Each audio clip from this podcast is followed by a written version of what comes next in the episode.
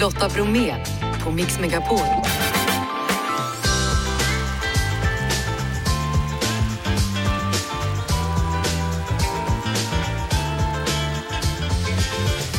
Hallå där och varmt välkommen in till oss där solen fortsätter att skina och det här är dagens onsdagsmix. Runar Sörgård har släppts ur fängelset och i sin självbiografi berättar han om dels att sitta inne men också om tro, hopp och kärlek och han dyker upp efter klockan 17. Tony Irving han ska på matresa med Tarek Taylor i England. Tony Irving förklarar det hela. Och så hör ni Folke, Sveriges yngste svärmfångare. Och Jan Johansen då, vad gör han nu för tiden? Vi har koll. Och alldeles strax så snackar jag med Theos just nu på hyllad Sverigeturné. Killar, Jeff, Janne, nu kör vi! En som är ute på en stor turné just nu i Sverige, det är Theos. Hallå! Hej, Hur mår du? jag mår bra. Hur mår du? Jag mår bra. Ute på stor turné då, ingen vila på sommarlovet? Nej, det är inte så mycket vila. Men nu slutade jag i tvåan. Så att jag har gått på mitt sista sommarlov i gymnasiet. Ja, ett år kvar sen har jag ju. Är du nöjd med dina betyg? Ja, det skulle jag väl ändå säga. Alltså jag har liksom gjort mitt bästa. Viktigt att liksom försöka få min utbildning och försöka hitta en bra balans. Kunna gå i skolan samtidigt som jag gör allt det här som jag vill hålla på med. Och jag tycker absolut att jag har gjort mitt bästa och försökt få så bra betyg som möjligt. Så det blev bara A och B? Ja, Nej, okej, vi lämnar det. Men det blev förmodligen stort A i musik i alla fall. kanske. Jag går dansprofil, så att jag dansar mycket i skolan. Vi lämnar skolbetygen. Eh, Mer av mig Tour heter ju turnén då och du ger allt av dig kan man tänka. Det gör jag. Du har ju fått kanonrecensioner. Ja. Hur skulle du själv beskriva en konsert med dig? Ja, nej men alltså jag älskar ju att stå på scen och jag älskar ju att köra mina konserter. Det är det roligaste jag vet. Så jag vill ju verkligen att eh, folk ska kunna dansa med och sjunga med och jag vill ju att det ska bli liksom en show typ. Jag har jättekul på scen och jag älskar varje sekund som jag står där uppe. Absolut. Men efter mer av dig så får vi nu nya singeln Bara lite grann. Är det för att du har gett för mycket tidigare? ja, kanske det. är. Nej, men den nya låten är verkligen en så sommarlåt. Det känns väldigt kul att ha släppt den nu, nu när sommaren har börjat. Sen så vet man inte, så kanske jag har lite mer musik på gång också. Så kan det vara. Du Ja. sjunger i alla fall om sommarnätter, hemmafester, gå i flipflops, bada naken och driva runt på festival. Är, är det liksom en sammanfattning av din sommar? Ja, inte riktigt kanske, kanske lite av det. Festival ska jag på lite roliga saker, men jag har inga planer på att bada naken än i alla fall.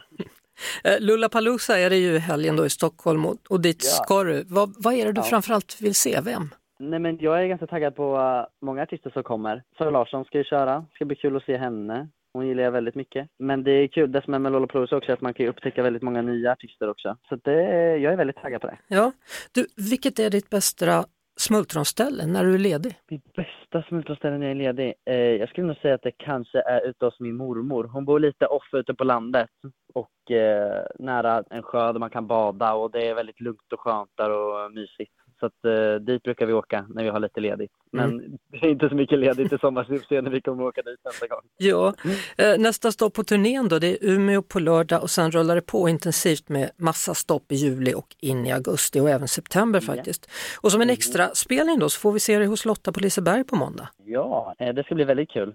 Jag har gjort Lotta på Liseberg en gång innan, men det var några år sedan och under liksom pandemin. Så det ska bli kul att få komma tillbaka och köra det på riktigt. Och med eh, publik. Ja, men exakt.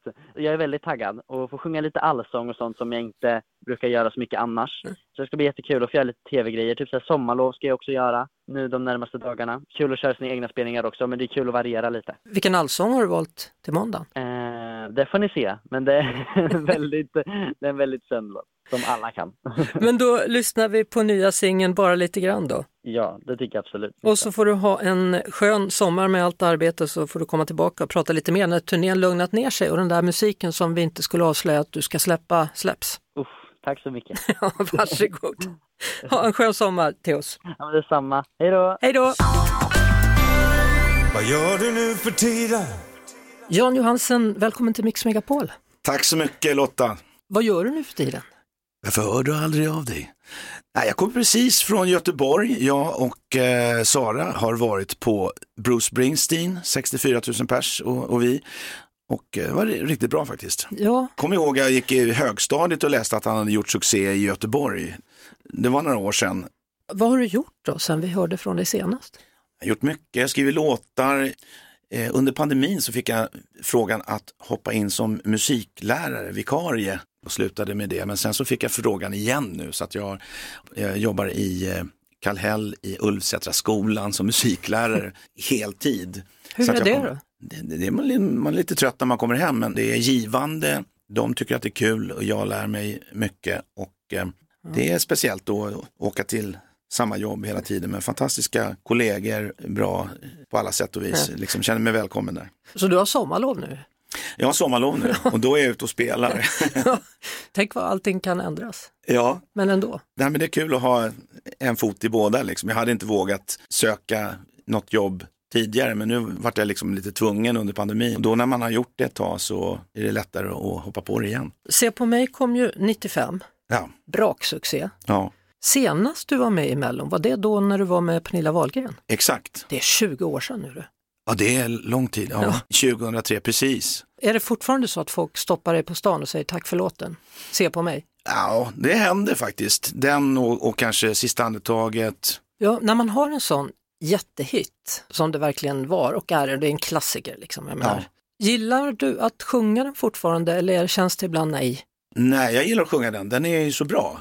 Sen så tycker jag jättemycket om när folk gillar nya låtar också. Man kan försöka vara lite aktuell. Nu är det i alla fall Stockholm då, så heter låten som släpptes i förra veckan. En hommage till min hemstad. Ja, Utveckla. jag hörde den här låten, det är en italiensk låt egentligen som jag tyckte var jättebra. Den handlar om, om Rom, så jag tänkte jag kanske ska skriva om, om Stockholm. Så, så blev det så. Jag snöade in på det, jag bara fortsatte och skrev och så tog jag hjälp av eh, Steve och Nanna Kratz som hjälpte mig med texten och sådär. Så jag har bott länge i Stockholm med omnejd, liksom jag har bott inne i stan och Kungsträdgården, vi var husband på Vickan på 90-talet och var inne och åkte skateboard på liksom Sergelarkaden och jag jobbade några år i Hötorgshallen. Så att, ja, men allting, alla konserter man har varit på, allting man har upplevt. Liksom. Texten är som vackra bilder, vad man ser när man går genom stan. Härligt. Mm. Jan Johansen, stort tack för att du kom hit och så lyssnar vi på Stockholm. Ja, det gör vi. Tack så mycket. Du lyssnar på Lotta Bromé på Mix Megapol. Eh, invasiva arter riskerar att ta över den svenska naturen när klimatet förändras. Det berättar Naturvårdsverket i ett pressmeddelande. Med mig nu Ulf Larsson som är handläggare på Naturvårdsverket. Välkommen till Mix Megapol. Tack så jättemycket. Ulf, första gången jag stötte på det här, det var när jag sa till min mamma, jag tror jag ska ta hem lite lupinfrön här och så på min ö. Och min mamma sa, du rör inte lupinerna. Det gjorde hon rätt i. Ja, vad är det egentligen som är på väg att hända med den svenska naturen? Ja, eh, kanske ska först beskriva lite grann vad en invasiv art är för någonting. För Det är Precis. precis det som lupinen är. Eh, och det är en art som då är en art som har tagits hit eh, till vårt land med människans hjälp och flyttas då från sin, från sin eh, ursprungliga miljö. Och sen när den är där, kommer hit så, så eh, kanske den börjar trivas och börjar sprida sig och eh, då tar den över. Eh, börjar bli problem att ta över andra arter. Den konkurrerar helt enkelt ut dem eh, och påverkar mångfalden då. Ja. Mångfalden. Vil- Vilka arter är det som, som framförallt hotar att ta över? Jag antar att lupinen är en av dem, för de, de växer ju överallt.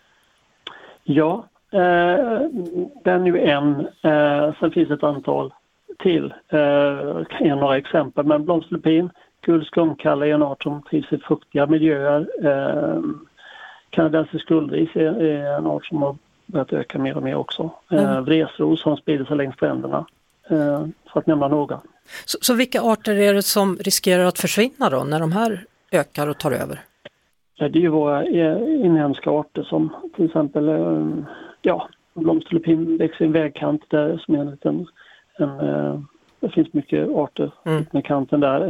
Eh, blåklockor, eh, många av de här ängsarterna Ja. eh, som kan försvinna. Så vad gör man då om man nu ser en av de här invasiva arterna i sin trädgård? Vi kan väl säga lupin då, för det vet ju de flesta vad det är och hur det ser ut. Vad ska Ja. man göra? Man ska ha koll på den. Eh, den är, det finns ju några arter som är reglerade i lagstiftning medan om några inte det och lupin är ännu inte det då, eh, förbjuden enligt lagstiftning. Eh, men den vill vi ändå att man ska försöka ta bort eh, inte den sprider sig. Det ser man ju när man åker runt i landet att den är överallt. Mm. Så att ta bort den. Gräva upp den och ja, ha, ha koll på, på den så att säga. Så att den inte fortsätter att komma år efter år? Ja, ja, mm. ja ta bort. Och, och då gäller att man hanterar den försiktigt och, och så att inte man sprider vid hanteringen av den så att säga, ta hand om trädgårdsavfallet på ett bra sätt. Mm. Kompostera till exempel inte, va? Eh, lämna det till återvinningscentralen. Eh, att de ser till att de tar emot materialet också innan man åker dit med det. Mm. Eh, stort tack Ulf Larsson, Naturvårdsverket. Och är det nu så att du som lyssnar vill veta mer om de här invasiva främmande arterna och också få råd på hur de ska hanteras, då finns det på invasiva arter, naturvårdsverket.se. Senaste boken heter Låt mig berätta allt. Det handlar om författaren Caroline Säfstrand och hennes topp fem ställen att läsa på. Nummer fem. Alltså soffan, fåtöljen eh, är ju liksom standard. Egentligen tycker jag ju att man faktiskt kan läsa på alla platser. Det är det som är häftigt idag också när vi har ljudböcker också. Att du kan ju faktiskt på riktigt läsa överallt, vad du än gör. Och det handlar väl mycket om att liksom skapa rätt läsestämning. Nummer fyra hitta någon sån här eh, mystisk, egen, udda plats ute i naturen där ingen annan finns. Helt själv. Nummer tre. Hoppa upp i ett träd. Sätt dig i ett träd och läs. Nummer två. Plats nummer två. Jag börjar fundera på vad jag själv har för såna här favoritplatser att läsa på. Ja men sätt dig utomhus någonstans. Nu kommer vi ju snart in i sommaren och sitta utomhus och läsa är ju typ det bästa som finns. Har du en balkong, har du en terrass, har du en pool, sätt dig där. Nummer ett. Topp ett ställe att läsa på, sätt dig på färjan till Ven då och så sätt dig och, och läs där så får vi se vad som händer för någonting på ön när du kommer fram. Lotta Bromé på Mix Megapol. Varmt välkommen hit Runar Sörgård. Tusen tack Lotta. Eh, nyutgåva då av självbiografin Gud gav oss tio bud, jag har brutit mot nio av dem. Hur känns det att vara predikant och brutit nio av tio och Det känns sådär kan man säga. det känns inte så jättebra. Men, men eh, alla människor, oavsett om man går till kyrkan eller om man inte går till kyrkan, så har man ju alla eh, gjort fel, man har begått misstag, man har vissa kapitel i, i sitt liv som man inte är jättestolt av och som man inte gärna har en högt läsning om. Och det är samma sak liksom när man är kristen, att man är ju allt annat än felfri, men det man försöker att och ta fäste på det är liksom förlåtelsen, försoningen och nåden till att kunna lära sig och inte ligga kvar när man har fallit. Varför ska man läsa din självbiografi tycker du? Jag har haft ett otroligt innehållsrikt liv. Det har varit fantastiska år. Det har varit allt ifrån massa dramatik, kraschat flygplan, bilar, tågkrasch, hästkrasch, båtkrasch, motorcykelkrasch. Jag har kraschat allt som går att krascha. Och jag är fortfarande här, jag är fortfarande kvar. Och det är man ju tacksam för. Men, men jag, jag försöker också dela med mig av olika insikter, inspiration, också inspirera till det här att identifiera vad man vill och vad man önskar. Och sen en viktig sak också, det var ju det som hände när jag var på South Fork Ranch i Dallas. Från den gamla goda serien Dallas. Då jag fick berättat för mig hur mitt liv skulle se ut. Vem berättade det? Jag, jag kände ju att det, det, var ju Gud på något sätt som talade till mig. Så att allt det som jag skulle vara med om, eh, uppleva och så faktiskt har slagit in otroligt mycket. Men inte fängelset va? Nej, den såg jag inte komma, för att citera en, en viss politiker. den såg jag inte komma, men jag kände att jag skulle identifiera mig med, med två stycken eh, bibliska personer, ena är Josef och andra David. Och Josef han, han hamnade visserligen i fängelse också. Han blev utsatt för ett försök att förföras och han vägrade det så då hamnade han i fängelse oskyldigt. Men jag, jag kände att det, det, var liksom en, en viktig bakgrund och information också för, för de som inte känner mig att mm. förstå hur jag är, hur jag tänker, hur jag resonerar, vart jag kommer ifrån, vart jag är på väg någonstans. Och sen också i och med att det är så extremt mycket lögner, rykten eh, som alltid har omgett eh, mig så känner jag att det var också ett bra tillfälle också att sätta skåpet på plats och, och informera om vad som har varit sant och vad som inte har varit sant. Märkligt att Gud dök upp just där då, eller blir du inte eller förvånad? Hur? På South Fork Ranch, av alla platser? av alla platser. Det, det, var otroligt, alltså jag blev tagen jag höll på att säga på sängen, men jag blev tagen i sol, solstolen för jag, jag låg i solpoolen där vid, vid, vid swimmingpoolen där. Nej men alltså, det var väldigt märkligt och det som också har varit ännu märkligare det är ju att efter det så, så har jag träffat Eh, och också lärde känna ju Larry Hagman som spelade JR. Charlene Tilton som, som spelade Lucy talade jag för liksom på Hollywood Theatre vid ett tillfälle. Hon kom fram till mig. Hon jobbade då som journalist på The Globe om jag inte minns fel.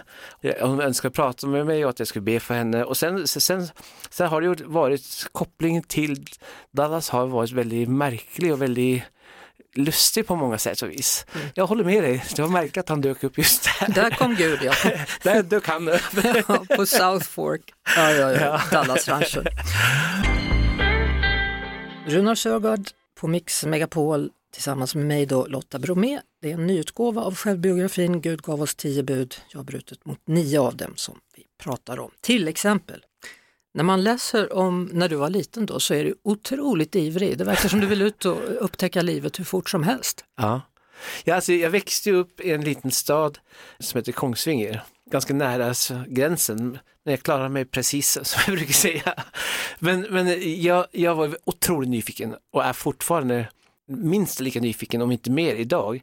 Så, så att jag var väldigt angelägen om att komma ut i världen, eh, se saker, lära mig saker, uppleva saker. Du ville åka till New York redan när du var Ja, när jag var 12. klar i sexan så kände jag att nej men varför ska jag vara här för i den här lilla hålan? Jag vill ut.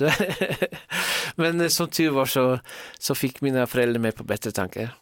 Sen fastnade jag också vid att du har alltid haft långt hår istället för kort hår som Mm. frikyrkliga barn brukar ha för att du har alvöron. Nu- Nu har du håret bak i en knut och jag ser inte, är det alvöron? Ja det är lite. Ja, lite. Varför blev de sådana? Ja, enligt den information som jag fick så jag var näst största bebisen som föddes i Norge 67. Hur lång var du då? Eh, jag var 57 eller 59 ce- eh, centimeter lång eh, och vägde 5,7 kilo. Det är stort. Ja, nu vet jag att det är stort. Ja. så att, så att då drog de mig med tång i, i öronen för att få, få ut mig. Så, att, eh, så att då blev brosken skadad. Jaha. När jag gick i lågstadiet och mellanstadiet, då, var det, då såg man ut som en liten alv. Ja. Och det var så jättekul. Så att redan då så eh, hade jag lust att ha långt hår, men det, det fick jag inte. Men sen när jag blev större och bestämde själv, då tog jag det. Och sen har jag fortsatt att vara en rebell sen dess. Hur var det att växa upp i ett kristet hem eller frikyrkligt Mm. hem? Det var helt fantastiskt. Själv, självfallet så när jag växte upp liksom på 70-talet så var det ju mycket bud, regler och krav som, som jag inte var särskilt förtjust i. Vilket gjorde också att jag gjorde uppror emot det och jag ifrågasatte det. Började i tidig ålder själv att läsa Bibeln för att se liksom, stämmer det här? När jag upptäckte att det inte stämde så konfronterade jag både familj och släkt och kyrka med att nu får ni skärpa till er och sluta med hyckleriet för ska man vara kristen så ska man, ska man vara det så som, så som Jesus var och så som Jesus sa vi skulle vara. Och han höll inte på med sånt här trams utan det här är traditioner som ni, som ni försöker pracka på andra och det är inte aktuellt när det gäller mig. Du fick åka med din pappa när han var ute och predikade. Ja. Jag har också förstått att du var lite sådär, att du gick och drog folk i kjolarna och sa, är du frälst eller? Jag, jag var väl lite så här plågoande när jag var liten. Nej, alltså, jag, jag var med farsan när han var ute och predikade runt om i Norge och Sverige. Så att jag lärde mig liksom vad han sa och vad hans polare sa. Eh, så, att jag blev ju en sån där liten predikantkopia redan då. Så, så att jag, jag var väl ganska både liksom ohämmad och eh, liksom fri, eh, fri själ. Så att jag, jag hade inga problem med att rycka folk i jacken och ställa vissa obekväma frågor som jag då upptäckte och förstod allt mer utav när jag blev äldre. Att det var kanske inte de mest passande replik, replikerna att dra till mig i postkön. Vad, vad minns du? Var det någon som blev arg eller vad sa de? Jag har inget minne av att någon blev arg. Ta mig tillbaka till första dagen när du skulle gå in i fängelset.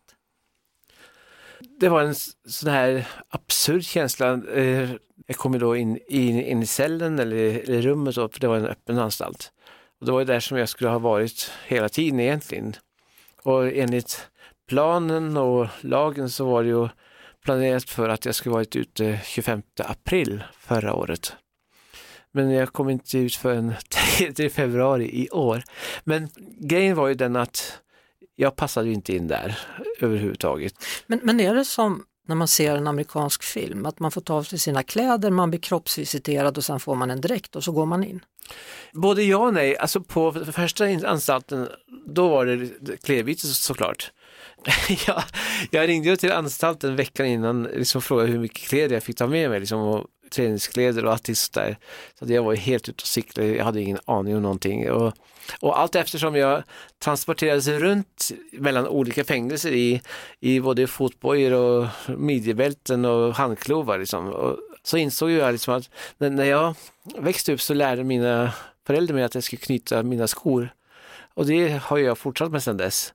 När jag kom in i, i några av fängelserna, då insåg jag liksom att då innebar det att då var du redo att slåss. Jaha, är det ett sånt tecken? så, så där, där är så mycket signalspråk och eh, signaltecken som finns där inne som civila livet aldrig har reflekterat eller funderat på. Så man, man har lärt sig ganska mycket och man har, har också liksom fått mycket fantastiska samtal med människor. Jag satt ju med allt ifrån underhugga till dödspatrullen, till våldtäktsmän, till trippelmördare och dubbelmördare och yxmördare och allt vad det var för någonting. Så, att, så att jag, alltså det var en bisarr eh, berg och dalbana som jag som jag befann mig i under ett drygt år. Hur var första kvällen då? Hade du ensam cell? Eller? Eh, jag hade ensam cell eh, eh, där sån. Den, den, var, den var tråkig och den var liksom eh, ännu mer bisarr. Så att eh, jag läste en, en dikt som en som hade suttit på, på rummet hade rispat in i, i väggen där som, som gjorde mig väldigt berörd. Eh, så, att, så att jag var väldigt emotionell de första dagarna. Eh, saknade barnen såklart. Liksom hade svårt att liksom, finna mig i den situation jag befann mig i. Grät du när du var i fängelse? Ja, det gjorde jag. Redan första dagen eller? Nej, inte, inte första dagen. Inte första, första dagen, men man saknade ju barnen. Eh, man... Eh,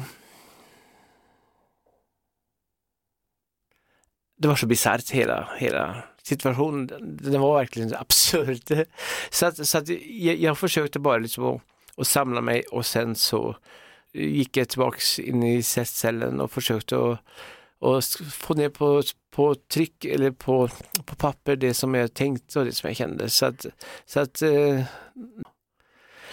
en sak som jag lärde mig det var att frihet är någonting som inte har någonting att göra med om du är ute eller inne, om du är inlåst eller om du är själv liksom på en stor fjälltopp. Alltså frihet är någonting eh, som, som det handlar om, insidan och hjärtat. Tack så mycket Runar Sjögård. Tack själv Lotta. Och så får vi höras framöver. Ja, det hoppas jag. Tusen tack. Lotta Bromé och den perfekta mixen på Mix Megapol. 13-åriga Folke Gevert från Alunda norr om Uppsala har varit biodlare i tre år och är en av dem som du kan komma till om du ringer i svärmtelefonen. Hallå Folke! Hejsan! Du måste förklara, vad är svärmtelefonen för någonting? Så svärmtelefonen är en tjänst för allmänheten som egentligen vem som helst kan ringa. Men varför folk ringer är oftast för att de vill bli av med en svärm i ens trädgård eller om de undrar frågor om vad bin gör och ja, vad en svärm är för något. Ja, vad har du för utrustning när du åker ut och hämtar en svärm? Jo, jag har en liten låda som jag tar bina i. Mm. Ehm, och sen har jag handskar, overall och ibland kan jag ha en rökpust som lugnar ner bina lite. Ja, har du någonting över huvudet och sådär också eller? Jo, jag har en overall som går över hela huvudet och sen har jag en luva över det som ja. skyddar hela ansiktet. Och sen då, tar du hem dem då eller lämnar du dem någon annanstans? Då väntar jag till kvällen mm. så att bina, för då flyger inte bina för då vilar de eller bygger vax egentligen. Um, och sen kör jag hem dem då och bara lägger dem i en vanlig ja, bikupa helt enkelt. Ja, hur många kupor har du? Jag har tre stycken just nu men jag tänker på att utöka inom de närmsta åren. Ja, alltså du har lärt dig av din pappa som har lärt sig i sin tur av sin pappa, är det så? Det stämmer. Så ni är fyra generationer biodlare då med andra ord? Ja, det stämmer. Ja. Vi har ju här på DN-skrapan eh, där vi sänder ifrån då, studion, där finns det 200 000 bin som producerar honung. Alltså är, är det något du gör också? Håller du på med honung? Ja, så jag slungar min egen honung och liksom skördar min egna honung för att sedan sälja och kunna kanske tjäna en liten peng. Och sen tycker jag också det är väldigt kul. Ja, och hur långt har du kommit just nu då? Är det på gång? Jo, det håller på. Ehm, jag ska skörda honungen bara om några dagar.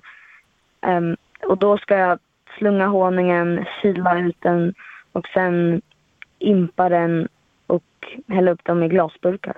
Imparen, vad är det för något? Det är när man, ehm, då häller man i, vad ska man säga, gammal honung eller stelnad honung i, Mm. den här, i den här färska honungen som är flytande. Så på det sättet så gör det så att det går fortare eh, för stelningen att, att ske. Ja, men du var spännande, vad kul att du har framtidsplaner och ska utöka då din biodling. Hörru. Ja, det tycker jag också är kul. Ja, jag med. Eh, Stort tack för att du ville vara med och berätta om svärmarna och bina, Folke Evert. Ja, tack för det. Lycka till! Hej! Ja, hej då. Du lyssnar på Lotta Bromé på Mix Megapol. Hörrni, den 17 juli har Tarek Ta- Taylors matresa säsong 2 premiär på SVT och den här gången så tar han med sig dig Tony Irving. Välkommen hit! Tack så mycket Lotta. Ja du, ni har alltså rest till England tillsammans och där besöker ni då Manchester, Oxford, London och Kent för att träffa släktingar och laga mat. Ja, vi hade fantastisk resa. Vi började i min hemmaby, så vi började uppe i Lancashire i Ainsworth.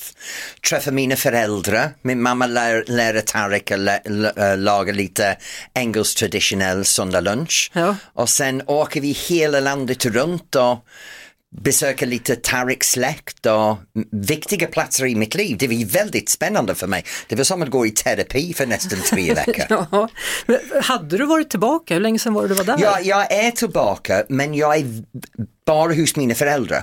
Så de platser var jag växte upp och var jag dansade under min tidigt i min karriär och min gamla dansskola.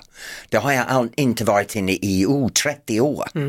Så det var spännande. Hur, alltså hur kommer det sig att du och Tarek, Och Tarek och jag, känner ni varandra eller? Nej, vi träffades för ungefär tio år sedan när jag släppte en kokbok. Och av en händelse så var jag på scen och lagade mat och fastnade i en kris med en lever. Och Tarik klev upp på scenen och räddade dagen. Så det var, det var på sånt sätt vi lärde känna varandra. Så när han kom i frågan, det var bara självklart. Men, men, det. men hur gick det nu då när ni provlagade grejer? Fick du laga eller tog Och- han hand om allt? Uh, Tarik tog hand om 99,9% av allt och den 1,1% som jag tog hand om gick inte så bra men det var roligt. Va, vad fick du göra då? Knäcka ett ägg eller? Ja, ungefär så ja. Ja. Jag, jag, jag gjorde en sallad som jag brände. En sallad som du brände, det är ju oerhört bra. Du, eh, alltså, många människor har ju fördomar om brittisk mat. Mm. Är den så god eller? Det är väldigt bra. Det som man glömmer med England, vi har varit en, en multikulturell samhälle sedan 1600-talet.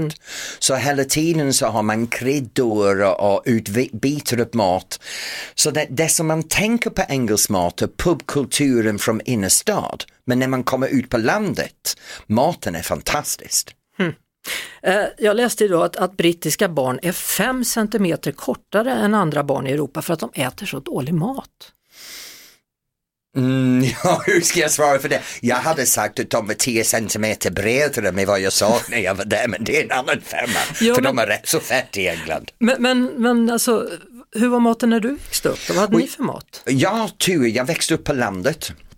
Och allting vi hade var hemmalagt. Mm. Eh, mamma var hemmafru så det var en traditionell uppväxt. Um, så jag hade väldigt bra mat när jag växte upp. Ja, för jag vet när jag, jag var utbytesstudent där, eller jag Mm. var där och gjorde min konfirmation faktiskt när jag var 13 och där var det ju hela tiden alltså friterat. Ja. Det var mycket så alltså. Ja men det är som jag sa, pubkulturen, Mm. innerstadsmat är snabbmat egentligen, friterad eller från fish and chip shop. Mm. Men riktig brittisk mat, den är väldigt bra kryddad, det är väldigt varierad, grönsakerna går att tugga på, de är inte söndersmälta. Ja. Du vet. Hur, är det hemma hos dig då? Får du laga maten där eller? Jag jobbar mat, vi har en, en policy hemma hos oss, vi har ingen uh, prefabricerad mat så Nej. allting gör vi från scratch. Och- och du- Köket är mitt. Jag, jag driver med min matlagning men jag faktiskt har gått en kockutbildning. Jag ska vara ärlig om det, det kommer ut i programmet. Du har gått en Jag har gått en kockutbildning? Jag jobbade i, i restaurangbranschen. Min mors syskon har drivit hotell och restaurangen i nästan 60 år. Och ändå bränner du vid en sallad? Nej men jag bara drev egentligen. Jag försöker, försöker inte avslöja för mycket innan programmet Nej. kommer ut. För, eh, avslutningsvis, vilken rätt är godast? Vilken rätt är godast? SOS. Vad är det? Sn- sill och snaps. Ja, sill och snaps, den var ju väldigt brittisk, hörru. Om du vill ha en bästa brittisk mat kan jag säga att det är en meat pie, steak and kidney pie, chips, gravy, mushy peas när den är gjort på riktigt hemma på en långkoksspis. Det är väldigt god. Ska bli kul att komma på middag så småningom hemma hos dig känner jag. Ja men då gör jag någonting kock. helt annat. Jaså, någonting helt annat. Ja. SOS. Tony Irving, Ja. stort tack och premiär alltså den 17 juli, nya säsongen av Tarek Taylors matresa Tack på så SVT. mycket Lotta. Du lyssnar på Lotta Bromé på Mix Megapol. Var det någon som ringde då? Ja, det var det faktiskt. Matilda hörde av sig. Ja, hallå? Hallå, hur är läget? Det är skitbra, hur är det själv? Jo, det är bra. Ditt namn här eh, förekommer ju i en tävling, Jajamän. så nu har du fått kontakt. Berätta, varför tycker du att du ska ha två biljetter till Håkan Hellström? Det är för att Piteå är typ det enda datumet jag typ inte ska gå på i sommar. Jag sitter just nu i bilen på väg till Lysekil för att se Håkan där på fredag. Eh, och det vore väldigt fint att liksom få åka från Bohusläns vackra västkust upp till Norrlands djupa skogar till Piteå och se honom där.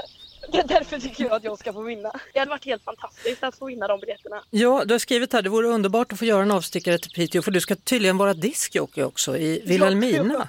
Ja precis, jag ska DJa på en festival där så jag tänker det, det är bara en perfekt avstickare.